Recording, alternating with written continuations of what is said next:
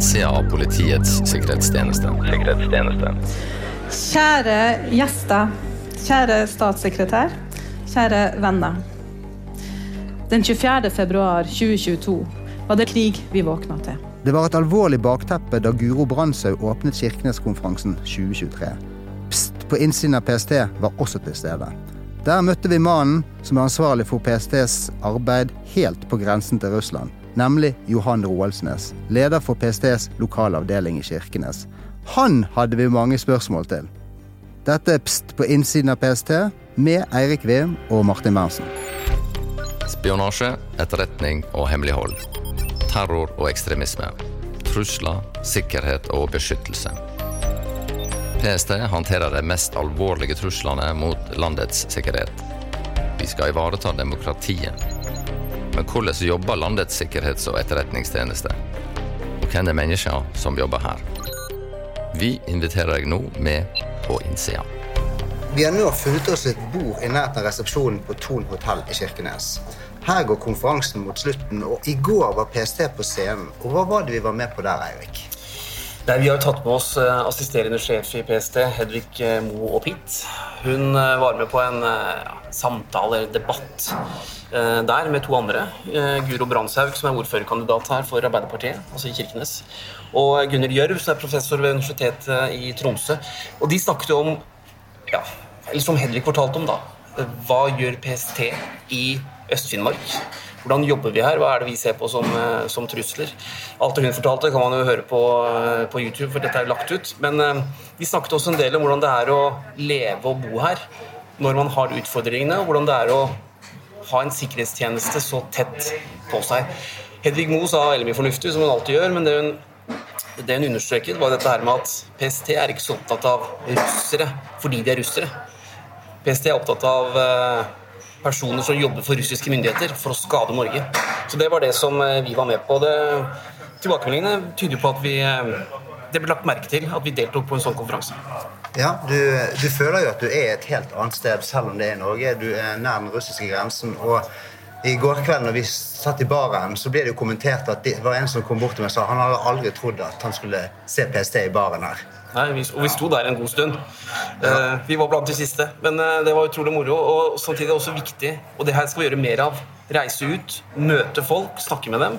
Og bli uh, kanskje enda mer synlige ute i de lokalsamfunnene som vi faktisk skal jobbe for å beskytte. Men vi sitter ikke her alene, Erik. Godt plassert mellom oss sitter du, Johan. Ja, jeg sitter her også. Ja, Leder ved PCs kontor her i Kirkenes. Stemmer. Ja, jeg tenkte vi skal begynne med et litt sånn lett spørsmål. da. Eller kanskje det ikke er så lett, men vi får prøve. Hvis du skal gi et kort sammendrag av trusselbildet i Øst-Finnmark, hva vil du si da? Et kort sammendrag det er at vi sitter veldig nære grensa til Russland og Russland. Og det, det har sine naturlige utfordringer at Russland er opptatt av sine omgivelser, og vi fremstår da for Russland som en sikkerhetstrussel for det. Det, det er en uh, utfordring. Og um, ellers er det PSTs generelle portefølje i kontraterror og trussel mot myndighetspersoner, eksportkontroll uh, og, og, hele den. Uh, en del av uh, de utfordringene det er det her med, med Nordøstpassasjen. Hvordan vil Kina posisjonere seg i Arktis, og hvordan skal vi finne ut noe om det? Mm. Hvis du skal fortelle om en vanlig dag for deg på jobben, da. hva slags saker er det du får på pulten din? Altså, hva slags saker er dere jobber med? I hovedsak så jobber vi med russiske etterretningstjenester og tips som kommer der.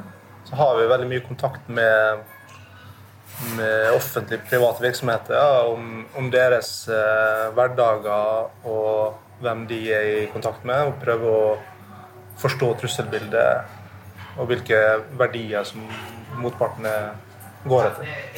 Men vet du om personer, enten russere eller nordmenn, som jobber for russisk etterretning her i byen?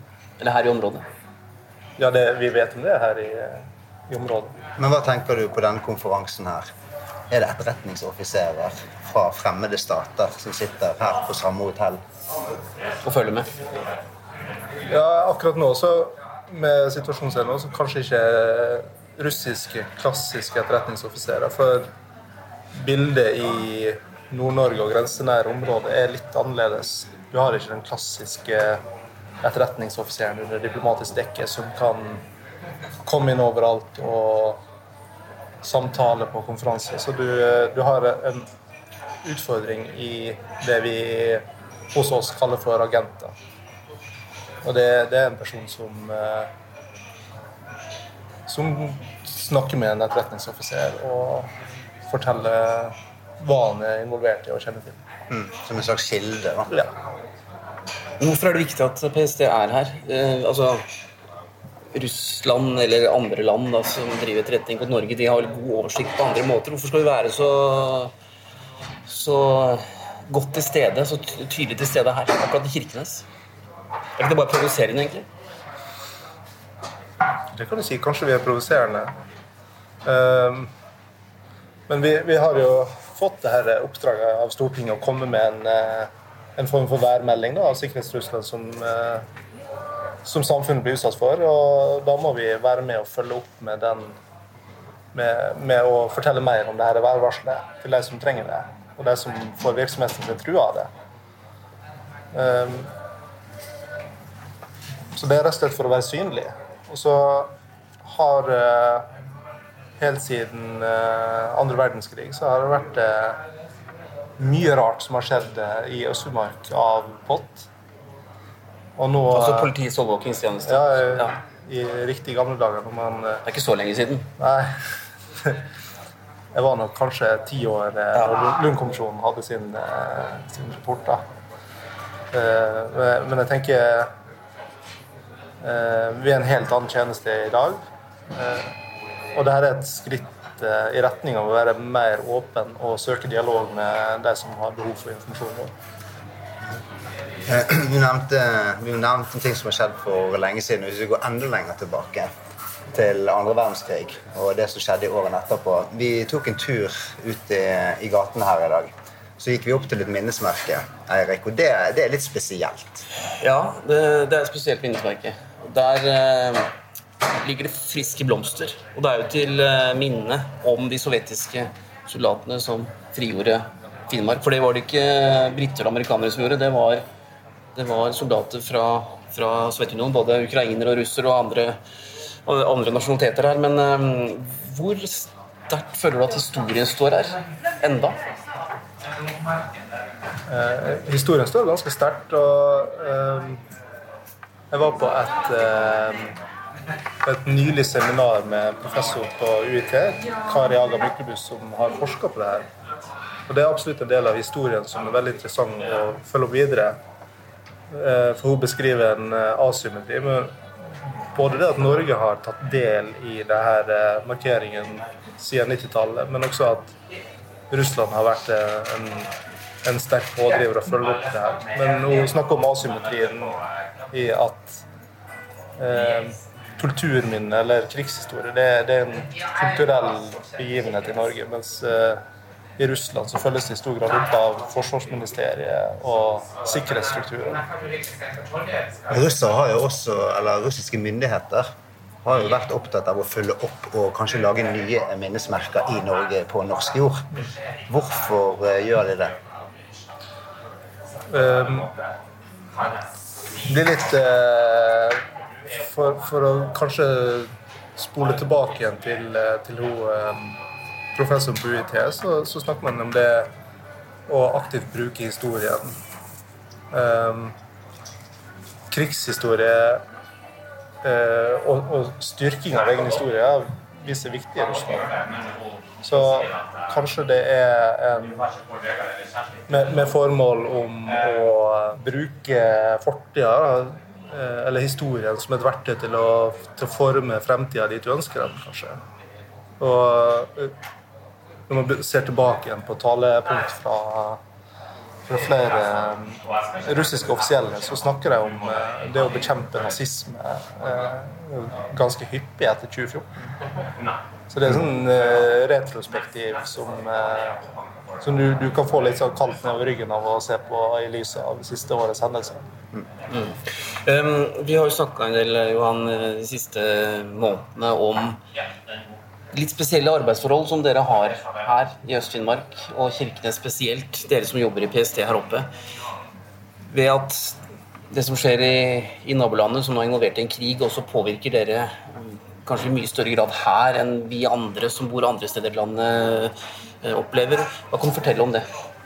Hvis vi bruker Ukraina som eksempel, så, så er det jo tydelig at uh, russiske sikkerhets- og etterretningstjenester har brukt uh, tid og ressurser på å kartlegge hvem det er som jobber i slike samfunnsfunksjoner, og bruke direkte press mot dem i en konfrontasjon. Så det er klart det er en, en egen dimensjon her oppe av det å jobbe i en hemmeligtjeneste som uh, russisk etterretning driver aktiv etterretning mot. Det. Kan det være litt ubehagelig? Det kan være ubehagelig. Det er, det er en sånn åpenbar greie. Det er når det er et land som ikke respekterer menneskerettigheter og har eh, en, en veldig sterk sikkerhetsstruktur i staten. En, en, en, typisk forståelse eller en, eh, hvor jeg kan nesten beskrive som en myte om PST, det er at vi overvåker veldig mange. Mm. Og det, at Jeg tror folk blir overrasket over hvor få vi overvåker i, i den forstand at vi lytter på telefonene deres og speiler datamaskinen osv.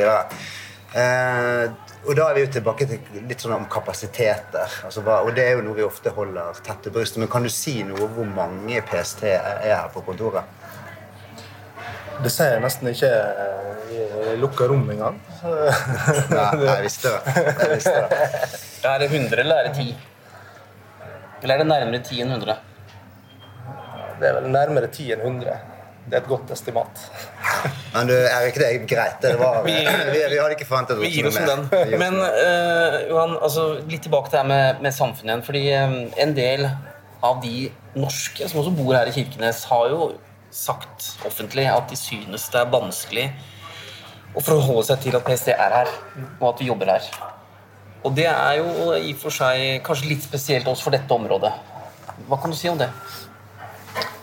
Det er en, det en balansegang. For uh, på den ene sida så skal du ikke sette folk i fare ved å, uh, å holde kontakt med. Uh, og det kan implisere en sikkerhetsrisiko å bli forbundet med et skjult opplegg sammen med PST. Og særlig når motparten, som vil være FSB i, i Russland, vurderer kanskje PST som en speiling av seg selv Eh, så, så kan det eh, medføre en form for trussel. Så folk blir rett og slett redde ved at dere tar kontakt med dem? Så føler de nærmest at det er en trussel mot deres egen sikkerhet? Det, det er den slik, slik, jeg forstår det. Og, og når, eh, når, FSB har hatt eh, ganske hardhendt tilnærming til norske borgere i Russland eh, over tid, eh, så er det klart at den trusselen er implisitt. Eh, og da kan det skape litt utfordring for oss, for vi er veldig sjelden ute i en form for klandestine eh, formål når vi kontakter folk. Men det å i det hele tatt gjøre en litt lukka og skjult kontakt kan for mottakeren fremstå som en klandestin tilnærming. Og at her skal vi eh, rekruttere noen til å gjøre noe for oss. Føler du at den motstanden mot PST i deler av befolkningen har økt etter at russerne invaderte Ukraina for et år siden? Nei, jeg opplever at øh, lokalsamfunnet her har vært i en form for sjokktilstand. Øh, og at øh, det nå er samla øh, i en fordømmelse av det som har foregått og at vi eh, har bedre arbeidsvilkår her nå enn tidligere. Så mye av den motstanden som kanskje var mot PST, har man nå sett har blitt mindre? Nettopp ja. fordi man uh, føler at det russerne gjør, er så lett å ta avstand fra. Ja. Men hva er, hva er, egentlig problemet? Er det det at mange her i Kirkenes føler tette bånd til naboer, til venner, til kanskje familie i, i uh, Russland. Har det vært problemet? Jeg vet ikke om det har vært problemet, men det, det føles som uh, uh, Kanskje en form for en sånn angiveri, og at man skal bli fanga inn i en sånn spionvirkelighet. og så hadde du f.eks. den her Frode Berg-saken. der en, en norsk borger drar til Russland med et etterretningsoppdrag. Så blir det i lokal omtale gjort forvekslinger, slik at man samler det sammen i ett begrep, som Hedvig var inne på. Og så blir det omtalt som etterretningen. Og PST har ikke lov til å gjøre det her i utlandet. Og vi er så gjennomkontrollert at ja, det, det, det, det, er jo noe vi har merket også, at de skiller ikke her mellom PST og E-tjenesten. Eh, og det, det, er ofte et problem for oss, for vi kan jo strengt tatt ikke svare for det andre organisasjoner Nei. gjør, selv om vi selvfølgelig har et samarbeid med det. Så her er vel kanskje det stedet i Norge hvor man skiller minst mellom det. kanskje. Og der Eirik, har jo kanskje vi et litt sånn her, en kommunikasjonsutfordring. Absolutt. Og der har vi en jobb å gjøre. Og det er noe vi har gjort lokalt også i dialog. At vi, vi tar frem forskjellene og forklarer eh, vårt lovmessige mandat. Og hvorfor vi gjør som vi gjør.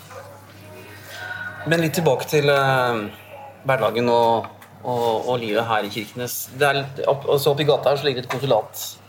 Det russiske konsulatet. En eh, stor bygning med et eh, flagg som henger eh, over inngangsdøra. Det står biler utenfor med diplomatskilter, og det er lys i vinduene nesten døgnet rundt. Hva skjer der inne, egentlig?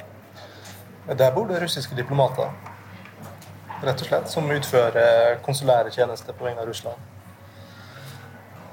Er det mange som jobber der? Nei, det er vel eh, Det er vel tre diplomater. Er det også personer der som man tror kan være involvert i etterretningsvirksomhet her i byen? Nei, ikke i den klassiske forstanden med at de er etterretningsoffiserer under dekke. Mm.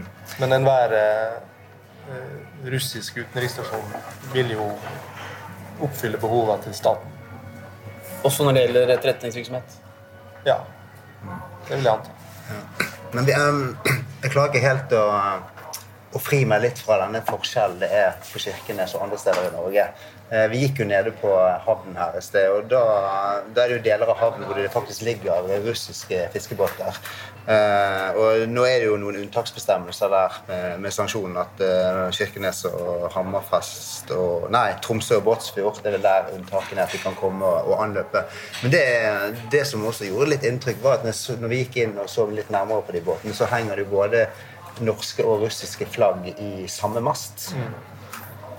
Så du, du, får jo følelsen av at det er et, det er et tett tett, tett forhold mellom Kirkenes og russiske og russere. da. Mm. Og det, det, er jo en vanlig mar maritim kutyme. da. Ja, ja. Og, Men vi møtte også russere på butikken. Mm. Så de er, de er, jo til stede her. De er til stede i lokalsamfunnet og får uh, fartøyene sine reparert borte på verftet og får forsyninger. Men det er jo kommet en ny maritim doktrine mm. som uh, er litt diskusjon om, og ikke minst konsekvensen det kan få her. Kommer du fortelle litt om det, for det, er ganske omstridt?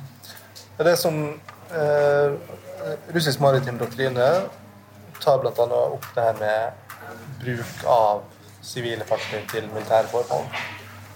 Da kan man kanskje se for seg type logistikkstøtte eller en eller annen form for behov.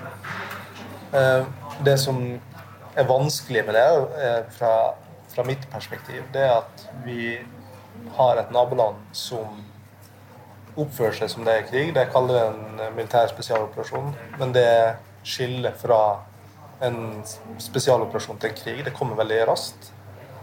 Eh, og da har vi en kontinuerlig utfordring her når vi er så nærme. Med veldig kort seilingstid fra Russland. Så det betyr at en tråler egentlig kan være i tjeneste for Eh, det militære. Ja. Og mannskapet kan utføre oppgaver som er militære, i form av f.eks. For informasjonsinnhenting. Ja. Mm. Men hva slags eh, fører, PST noen slags kontroll eh, med de skipene som kommer. Det er kanskje tollvesenet som eh, har et ansvar der. Er slik at eh, politiet har et eh, grenseoppdrag. Så det kontrollerer alle som kommer inn på dokument. Og så har toll eh, sine oppdrag. Så gjennomfører også Kystvakt en del visitasjoninspeksjon. inspeksjon. Både på dokument og alt annet de kan inspisere. Men, men det er jo noen forslag oppe nå om hva som skal skje da som en konsekvens av den doktrinen her i byen. Kan du ikke fortelle litt om det? For det, det er jo diskusjon om. Du tenker på det med landlov? Ja. Det handler om at uh, i dag så kan russiske sjøfolk uh, bevege seg fritt i hele byen. Og så er det uh, gitt inn et forslag om at det skal begrenses vesentlig. Og det her har vært en, en, egentlig en nasjonal problemstilling, fordi det kommer eh, fartøy under andre flagg å legge til, og så er det utelukkende russisk mannskap som har veldig fri bevegelse. Og eksempel eh, eh, i høst, når vi hadde hele situasjonen etter Nord Stream eh, og sabotasjetrusselen mot norsk infrastruktur, så var det et slags hull i gjerdet. Kan du si, når eh, Heimevernet står utenfor porten, og så går det 40 russiske sjøfolk i land og går dit de vil. Så det, det er noe man må forsøke å regulere. Har du noen tanker og betraktninger om det? Og... Jeg tenker at en, det er fornuftig å, å regulere det. Nå kommer det fartøy eh, hit som ikke har vært der før, og som kanskje har kommet fordi det har, eh, har blitt nekta i andre typer hjemhavner. Og det, det ligger til enhver tid veldig mange fartøy her inne som gjør at det, det er uforutsigbart. Mm. Det å jobbe på en tråler kan jo være så mangt. eh, Og, men jeg har hørt noen snakke om at mange, eller noen av de som går i land, de ser ikke akkurat ut som de har mange års erfaring fra å jobbe på sjøen eh, og på fiskebåt. Ja, det, det er jo et eh, sånn eh, rykte på byen som vi også har fanget opp, da, at det, det er yngre sjømannsbefolkning. Og klart, det her, det her kan jo ha mange forskjellige formål. For det første så begynner plutselig rederier å slite med å skaffe eh, en god nok arbeidsstokk for at mange blir sendt til krigen. Så er det kanskje mange som søker seg hyre på fartøy i utlandet for å slippe å dra i krigen. Eh, og så eh, kanskje det da tar lange turer, og rederiet unngår å dra tilbake til Russland for å unngå å miste mannskap til krig, da, for å sikre egen lønnsomhet. Og så har du liksom verstefallshypotesen, det at det, det her er trent personell som driver aktiv innhenting og sabotasjeforberedelse. Som i og for seg ikke er sjøfolk, men som er plassert der. Ja. Et helt annet formål. Ja. Eh, Jeg tenker på, For å gå litt tilbake til eh, livet her. Du er jo småbarnsfar. Ja. Hvordan er det? Det er fint. eh, Det er gratis barnehage, jeg hørte Ja, på konferansen. Fra, fra august så kom det et, tiltak om gratis barnehage. Ja. Eh, og det er jo gledelig når du har tre barn i barnehage. eh, ellers så har vi den luksusen at det, det er fem minutter jobb og ett minutt til barnehage. Og du eh, har veldig, veldig stor fleksibilitet da, i livet. Lite kø på vei til jobb. Veldig lite kø. Kan av og til ha vikeplikt i ja. Men samtidig så har du nå snakket om at det er noen eh, utfordringer i samfunnet her. Og så har du valgt å etablere deg her med, med, med kona di og som du sier har tre barn under fire år. Eh, Hva tenker du da om veien videre? Hvordan, eh, hvordan vil det være å jobbe i PST, være PST-sjef her i en grenseby så tett inn mot, mot Russland i tida som kommer? Nei, det er, det er veldig eh, utfordrende. Det er ingen som har tilgang til den glasskula. Det eh, hvis Putin skulle bli borte i morgen, så kan det faktisk bli verre.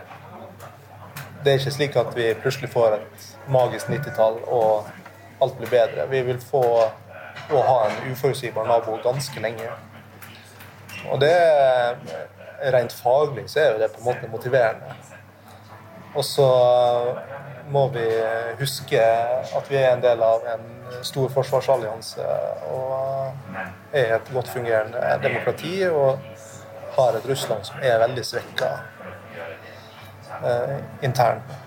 Eh, bare litt nysgjerrig helt til slutt her nå også. Kan du si litt om hvordan dere er organisert her eh, i Finnmark? For det er jo ikke bare her i, i Kirkeneset at PST er. Nei, Vi har også et kontor i Alta. Ja.